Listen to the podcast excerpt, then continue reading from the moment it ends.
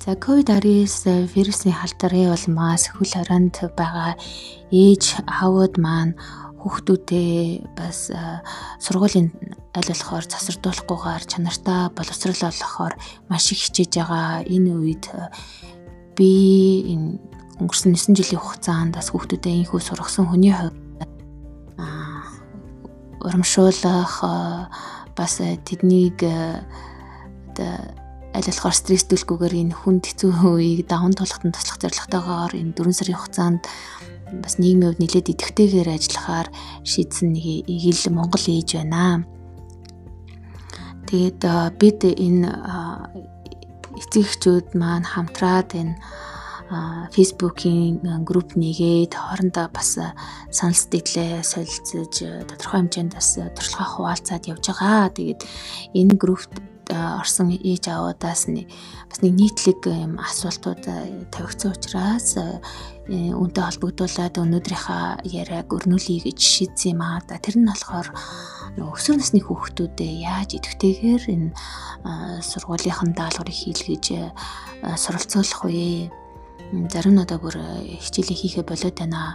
Би одоо энэ багцуултаа ноцолдоод өөрийнхөө ажлыг амжуулах га бас зарим нь болохоор зайнаас сурж байгаа яг энэ үед бол энэ том хүмүүсийнхээ очрыг олоход маш их бэрхшээлтэй байна гэсэн тийм зөвлөгөө өгсөн ээжүүд аавуудаас хандж байна. А үүнээс э, одоо ямар санаа төрсэн бэ гэхлээр за ерөөсөө энэ өсвөр насныхантай яаж зохистой харилцах вэ гэдэг тал дээр бас нэг ярилцвал зүгээр юм болов уу гэж бодож байна. Тэгэхээр мэдээж миний хувьд бол бүх зүйлийг мэддэг хүн биш шүү дээ. Би яг өөрийнхөө туршлага дээр үндэслээд өөрийнхөө өнцгөөс ойлгосон гаргасан дүгнэлтүүдэд хуваалцах болно. За тэгээд авах гэхийн хоноор уужим одоо монгол сэтгэлгээгээр хандаад та бүхэн бидний одоо энэ яриаг ашигласаа гэж би хүсэж байна. Тэгээ надад юу ажиглагддаг вэ гэхээр ер нь бол өсвөр нас бол маш их юм эмзэг юм шилжилтийн үе байгаа. Аа бид зөвхөн одоо би физиологийн хувьд эрс өөрчлөлтөнд ороод одоо хүүхэд байснаа том хүн болж хувирах төдийгүй бас сэтгэл сэтгцийн хувьд маш эрчимтэйгээр хөгжиж идэг насанд э, хүрэх арай болоогүй тэгтээ хүүхэд арай биш тэгснээр нэ хүүхдийн сэтгэлээ минь одоо хараахан салж амжаагүй ийм эмзэг нандин үе байгаа. Энэ үед э, та хэрвээ гэртээ хүүхдтэйгээ хамт э, хичээлдэн туслаад юм уу эсвэл цаг өнгөрөх боломж олцсон бол маш их том хувь заяа гэж талархаасаа гэж хүсэж байна. Юу гэхээр бидний одоо аливаа хийж байгаа ажил бол бидний хандлагаас эхэлдэг. Хэрвээ бид энэ өмнө тавигдсан зүйлийг эргээр харах юм бол ер нь бол амжилтын тэн хагас нь хэдийний таны гарт орчихсон гэж би хэлмээр байна. Тэгэхээр яг одоо өсвөр насныхаа хүүхдтэйгээ хамт хөл оройнд байгаа бол та үнэхээр хазтай хүн байна. Ягаад гэвэл хүүхдийнхаа ийм нандин үед нь чанартай цаг гаргах боломж олдож байгаа шүү. Тэгээд энэ нөхөл хорой бол мөнхөд үргэлжлэх зүйл биш, төр зүрийн зүйл байгаа. Дээрэс нь өсвөр нас бас мөнхөд үргэлжлэх шилжилт биш. Энэ бол бас л төр зүрийн үзэгдэл юм аа. Тэгээд энэ хугацаанд хэрвээ та нэг тийм чанартай оновчтой байдлаар өөрийнхөө хүүхдэд оюуны болон сэтгэлийн хайрын хөрөнгө оруулалт хийх юм бол таны хүүхэд бас эрүүл сайхан цаашаага өсөн хөгжих боломж нь нэгнэ. А надад дөнгөж одоо хүнтэй сууж хахад нэг ээж их гой зөвлөгөө өгч ирсэн. Тэр юу гэхээр хэрвээ чи хүүхдээ багаас нь хайрлаа, зөв хандаад өсөх юм бол ер нь бол өсвөр насны шилжилтийн үеийн хүнд хэцүү үеийг бол огт амсахгүй. Яагаад вэ гэхээр хүүхд чи ямар ч түүртэлгүйгээр тэр хүнд хэцүү үеийг бол даваад гарчих чадвартай болчихсон байх юм аа гэж хэлжсэн. Тэгээ эргээд одоо том охин маань ингээд шилжилтийн үеийн хэдийнэ эхэлчихсэн 13 настай охин байгаа ингээд ажиглаад үзэхээр үнэндээ бас нэрээ ямар ч асуудалгүй маш их тийм баяр хөөртэй ажралтай тийм хүүхэд одоо харагдаад байгаа. А миний хувьд алдаа гаргасан уу гэвэл гаргасан зүйл би би зөндөө алдаа гаргасан. А харин би юу гэж өөр дээрээ хэлэх вэ гэвэл аливаа алдаагаа залруулах түүнийг оолж харахын тулд хичээдэг ээж учраас бас энэ охиноо алдчих магадгүй тийм э, эвгүй байсан үе дээрээ би өөрөө бас өөрийгөө залруулах арга хэмжээ авсан учраас энэ охин маань ийм сайхан цэцэглэж байна гэж би одоо дүгнж байгаа.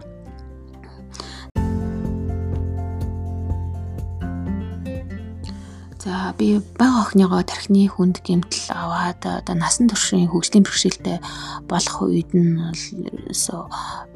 сэтгэл санаагаар маш их хямарсан юм аа. Тэгээ тэр үедээ би том хүүхдүүдэд буруутгах, загнах ер нь бол тэднэр дээр өөрийнхөө уурыг гаргах юм сөрөг зүйлийг хийсэн хүн багмаа. Түүнээс болоод яг үнэндээ бол хүүхдүүдийнхаа зурцлыг юучгүй яг утгаас ичж байгаа юм шиг болгож исэн байна гэдгээ дараа нь өөрөө хожим ухаарсан. Тэгээд ухаарсан цаг мөчөөсөө би уушлал гуйгаад энэ хоёр том хүүхдийнхаа зүрсгэлийг ангаах, эдгэх талаар яг өөрийнхөө хийж чадах бүхнээ зориулж ажилласан. Тэгээ үүний үр дүнд хүүхдүүд маань одоо л маш хөрхөн эдгрээд ямар нэгэн гомдол тийхгүйгээр одоо том охин маань ингээд шилжилтийн нас нь өрнөж байгаа гэхэд ямар ч асуудалгүйгээр бүх одоо ийм шилжилтийн ингээ хөөрхөн даван тулаад байгаа харж байгаа. Тэгээд үүндээ би бас их талархалтай байгаа. За тэгээд миний хувьд өөрөө одоо туршлагаа хуваалцахад юуны өмнө би яасан бэ гэхээр өөрийгөө л олж харсан. Нэгдүгээрт би энэ хүүхдэд бас ийм сөрөг нөлөө үзүүлээд идэм байна. Би энэ хүүхдийг одоо уурлуулад, бухимдуулаад эсвэл одоо гомдоогоод, уйлуулад, шаналгаад идэг байна. Ерөөсөө надад л маш их олон асуудлын ужиг нуугдж идэм байна гэдгийг ойлгосон. Тэгээд надаас болоод энэ хүүхэд маань миний хүсэж байгаа э, тэр зан үлийг ч юм уу үр дүнг гаргахгүй. Аа тэгээд би тэрийг ойлгохгүй нөгөө хүнээс чинь маш их юм ингээд шаардаад нэхэд Аа тэгээд тэр хүн гарах гэхлээр би өөрөө тэрэнд саад одоод идэм байна гэдгийг ойлгосон. Тэгэхээр юуны өмнө би танд юу зөвлөхөө гэхлээр та өөрийгөө ажиглаач. Нэг өдрийг хүн өөртөө ажиглалт хийхэд бүр зарцуулаарай. Өглөөнөөс ахуулаад хүүхдтэйгээ яаж ирцэж чинь хүүхд ямар одоо үйлдэл хийхэд нь та ямар хариу үйлдэл гаргаж чинь та хизээ тэр хүүхдэд ууралж гин та хизээ бухимдж гин та ямар байдлаар ингээд гомдох уйлах тэр хатгаар хашгирах тийм аврыг үзүүлж байгаа юм бэ? Илэрхийлж байгаа юм бэ гэдгээ бүр ингээд болж өгвөл бүртгэл хөтлөөд яг тэдэн цагт манай хөхт тэгтэн би тэгсэн. За манай хөхт тэгсэн би ингэсэн гэд. Тэгээ энэ тэмдэглэлийг яг нэг өдрийн турш үр дээрээ хийчих юм бол таны гарт маш үнцэнтэй баримтчиг атгастай болно байгаа л гэж ойлгороо. Яагаад вэ гэхээр үүнээс та өөрийнхөө гаргаж байгаа алтаагаа бас хүүхдтэд нөлөөлөд байгаа тэр сөрөг нөлөөгөө олж харах боломжтой. Тэгэхээр нэгэн толоод харчихсан бол таас залруулах боломжтой. Тэгээд альва зүйл маань ингээд э, харах юм бол зөвхөн өнгөцгөн зүйл үг байна уу эсвэл үйлдэл байна уу дандаа өнгөцгөн зүйлэл явж идэг. Үүний цаана маш гүн гүнзгий шалтгаанууд байгаа. Тэр даалт шалтгаан руу орохгүйгээр өнгөцгөн үгэн дээр эсвэл үйлдэл дээрээ бид нэр дүгнэлт хийгээд асуудлыг шийдэх гэж оролдох юм бол харин улам тордоолно. За тухайлбал чи дандаа миний өдөс үг хэлж яхаа. Чи намайг ерөөсөө сонсохгүй штэ гэж би хүүхдтэйгээ харьцгал юм бол би өнгөн талын буруу дүгнэлтийг гаргаад байна нөгөө хүүхдийг шүүмжилж загнахынхаа оронд миний хүүхд яагаад миний үгийг сонсохгүй байгаа юм бэ? Би хүүхдийнхөө хүндэтгэлийг өөрөө алдсан юм шиг байгаа. За тухайлбал э, яаж хүүхдийнхээ хүндэтгэлийг алддаг гэхээр чиний насан дээр би ингэ явж исэн юм аа. Надад тийм ч юм байхгүй, ийм ч байхгүй. Би маш их ядар зүдэрж исэн мөртлөө би ээж аваагаа асраад би ийм зөв хандлагатай, ийм сайхан хүүхдээсэн. Чи ерөөсөө болохгүй, чи ийм муу хүүхдэн гэж ярьдгүү. Хэрэв тийм бол э, та маш одоо буруу тийм харьцуултыг хийснээсээ болоод эсвэл дахин дахин тэр харьцуултыг хийснээсээ болоод хүүхдийгээ ядраах дөрөвг нь хүргэх тэгээ түүнээс болоод таныг одоо сонсгой бодлох хүндэтгэ болох тийм үр дагавар төрсэн байж магадгүй маа. Тэгэхээр зарим тохиолдолд бол мэдээж одоо нөгөө хүүхдтэй ойлгуулах синхруулахын тулд харьцуулт хэрэгжилж болно л да өөрийнхөө туршлагыг. Гэхдээ өтөр болгон ч юм эсвэл одоо байнга тийм юм а ярих хэрэггүй. Төвчээртэйгээр нөгөө хүүхдээ сайн сонсох юм бол э, яг юу гэсэж байгаа юм бэ гэдгийг нас ойлгож болно. Э, за юунаас болоод тэр үйлдэлийг гаргаад байгаа, юунаас болоод энэ хүүхд маань бухимдаад байгаа тэр цаад учгийг нь л олох хэрэгтэй. Тэр үгээ хэлэхдээ бас ямар хандлагаар хэлээд байна, зүрхэнд нь ямар сэтэл нуугдаад байна, бас ямар бодол нөлөөлсөн байж болох вэ гэдэг дээр бас мэдрэмжтэй хань завсар насныхаа хүүхдүүдтэйгээ харилцах чахдаа а баримтлах хоёр дахь зарчим бол а залруулахдаа эрэг байдлаар хандах. Өөрөөр хэлбэл одоо яг ямар залруулах арга ашиглаж байгаа юм бэ гэдэгтээс эргэж нэг сайн харж дүгнэлт хэрэгтэй гэж хэлмээр байна. Юу вэ гэхээр бидний нөгөө тарих маань аливаа мэж хийжлэхтэй юм холбоос тогтоож ингэж ой санамжинда хадгалдаг. Тимээс таны тархинд чинь манай хүүхдийн гаргасан алдаанууд гэдэг нэг дор бүгдээр хатгалаастай байгаа. Тэгээ танаа хүүхэд ямар нэгэн алдаа гаргах юм бол өмнө гарч ирсэн бүх алдаануудынхаа тэр ой санамжийг дуудаад та бүгдийг санддаг. Тийм учраас яадаг гэхээр бид нөгөө залруулахын тулд өөрөө ирэхгүй л нөгөө өмнө гаргаж ирсэн бүх алдаануудыг ингээд чигсаагаад нэг гоншингийн дуудаж байгаа юм шиг дуудаа чи тэгдэг чи ингэдэг чи ингэдэг чи одоо ингэж гээд тэр хүүхдтэй нөө нотлон харуулах гэж оролдсон юм шиг байгаа юм. Аа гэтэл үнээрээ дээрээ тэр хүний сөрөг талыг ингээд гаргасан алдааг нь дуудаад ахаар нөгөө хүүхд маань ухаарч ойлгож тэр алдаагаа засъя гэж бодохын оронд нөгөө сэтгэл санааныхаа хувьд ийм хэцүү хөдөлгөөн одоо илэрж байгаа сэтгэл хөдлөл тийм болохоор тэрнээсээ болоод энэ сэтгэлгээ нь бүр ингээд хаагдах зогсох, гацалт үүсэх тийм өндөр магадaltaй болчдгоо. Ер нь бол альва сөрөг зүйл бол сэтгэх үйл явцыг удаашруулах, зогсоох тийм аюултай учраас ялангуяа одоо суралцахыг хүсэж байгаа, хөгжих хүсэж байгаа бол аль болохоор эрэг өөр амьсгалд байлгахыг хичээх нэг зүйтэй юм аа. Эрэг хандлагатай байж ээж одоо эрэг харьцаатай байж байж хүүхэд аюулгүй мэдрэмжийг авч тэгээ чөлөөтэй юм судалж хөгжих тэр үйл ажиллагаа явагддаг. Хэрвээ айлгах, сүрдүүлэх, зохиж занчих юм бол нөгөө тархиных нь сэтгэлгээнийх нь үйл явцыг нь удаашруулах, зогсоох сэтгэл санааны хувьд гимтэх тэрнээсээ болоод чааштай яг үнтэй адилхан нөхцөл байдалд орохороо нөгөө хүүхдийн тархинд гацалт үүсэх тийм айхтар эмгэг үүсгэх аюултай байдаг учраас бид аль болохоор залруулахдаа сүрэг арга огт хэрглэж болохгүй юм аа.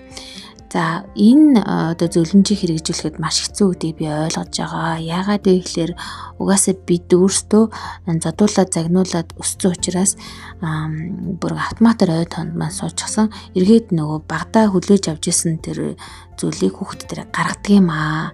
Тийм болохоор та тэр үйлдэл хийхээс өмнө бүр 1 секунд өөрийгөө зориуд тогтоом бариад хийх гэж байгаа зүйлээ хойшлуулад бодоорой. За одоо би яг яах ёстой вэ? Юу гэж хэлэх ёстой вэ? Энэ бүх талтаа гаргачлаа. Үнийг залруулахын тулд би ямар хандлагаар ямар өнгөөр би хүүхдтэйгээ ярих вэ гэдгээ өөр сонгох хэрэгтэй. Ямар ч сонголтгүй юм шигээр ингээд ухамсаргүйгээр ингээд э, үйлдэл хийх юм уу үг хэлэх юм бол аюултай. За 3 дахь зөвлөмж нь болохоор хүүхдтэй гаргаж байгаа амлалтуудаа маш нягхур боломжтой хандаараа. Та хүүхдтэй амлаж ийн гэж бодоогүй боловч таны хэлж байгаа үг таны хүүхдэд амлалт мэт сонсогддог. За жишээлбэл өө гадаа сайхан байна гарах юмсан гэж та хэлчих магадгүй. А хүүхдийн хувьд болохоор намайг аваад гарна гэж амлаж ийн гэж ойлголт төрдөг. Аа тийм болохоор нөгөө бид зүгээр яаж магадгүй гэж бодоод бодлоо илэрхийлэхээр нөгөө хүүхэд маань өөрт нь гоё амлалт өгж байгаа юм шигээр хүлээж аваад үнээс болоод гомдох үйл ойлголцол үүсэх ийм асуудал гардгаа. Тэгээд хүүхдүүд маань заримдаа бидний юу гэж ойлгодог вэхээр ээж худлаа ярьд юм байна. Уг нь тэгнэ гэжсэн чи одоо тэхгүй гэж штэ гэдэг А би болохоор нөгөө хүүхдтэй амлалт байдлаар огт хэлээгүй зүгээр нөгөө бодлоо чангаар илэрхийлчихсэн. Тэгээд тэрнээс болоод юм үл ойлголцол үүсэх аюултай учраас хүүхдийнхээ хажууд аливаа үг хэлж байгаа бол бодлоо ч гэсэндээ бодохдоо болгоомжтой нявхар хандах хэрэгтэй. Хүүхдээ хүндлээд бас өөрөө ч гэсэндээ бие барих чадварт суралцаад толгонд орж ирсэн болгоно амаараа гаргах шаардлагагүй шүү дээ тийм ээ. Тэгээд хэрэг бид ингээд толгон доторх юм уу сэтгэл доторх бүх юмаа гаргахгүй бол заримдаа бүр ингээ ухаантай хүн шиг царайлж чадна.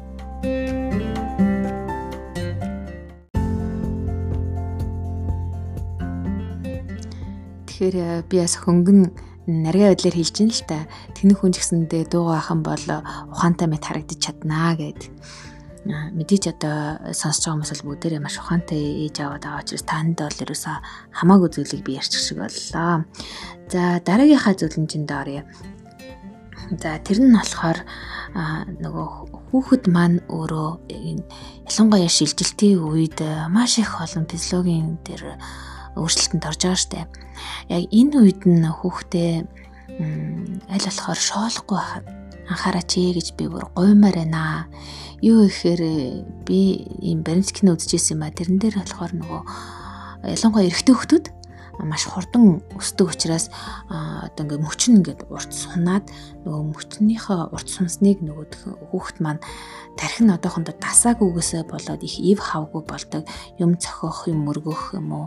Биеэ сайн удирдах чадахгүй ийм байдалтай ордог гэж байгаа байхгүй юу тэгээд тэр үед нь чи бас ив хавгүй дандаа юм унгааж тас яах юм хагалахын эсвэл чи юм мөргөөдөө инста нэг гэж бити тгий шүмжлэрээ. Харин хүүхдийнхаа тэр нэг өвөрмөцсөн гаргаад байгаа ив хавгүй байдлыг сайн ажиглаараа энэ одоо маш хурдан өсөөд тархин одоохондоо нөгөө орон зайн баримжаан жоохон алдагдсан юм болоо да гэж бас ажиглаад нэг э, үзээрэй. Яагаад вэ гэхээр бид бас оо жолооч хүмүүсийн хувьд ингээд машинаас болохоор ингээд шинэ машинд тасах гэж бас нэг хэсэг хугацаа ордог шиг бидний тархиас энэ биеийн энэ өсөлтөндөө тасах гэж бас хэсэг хугацаа ордсон байна.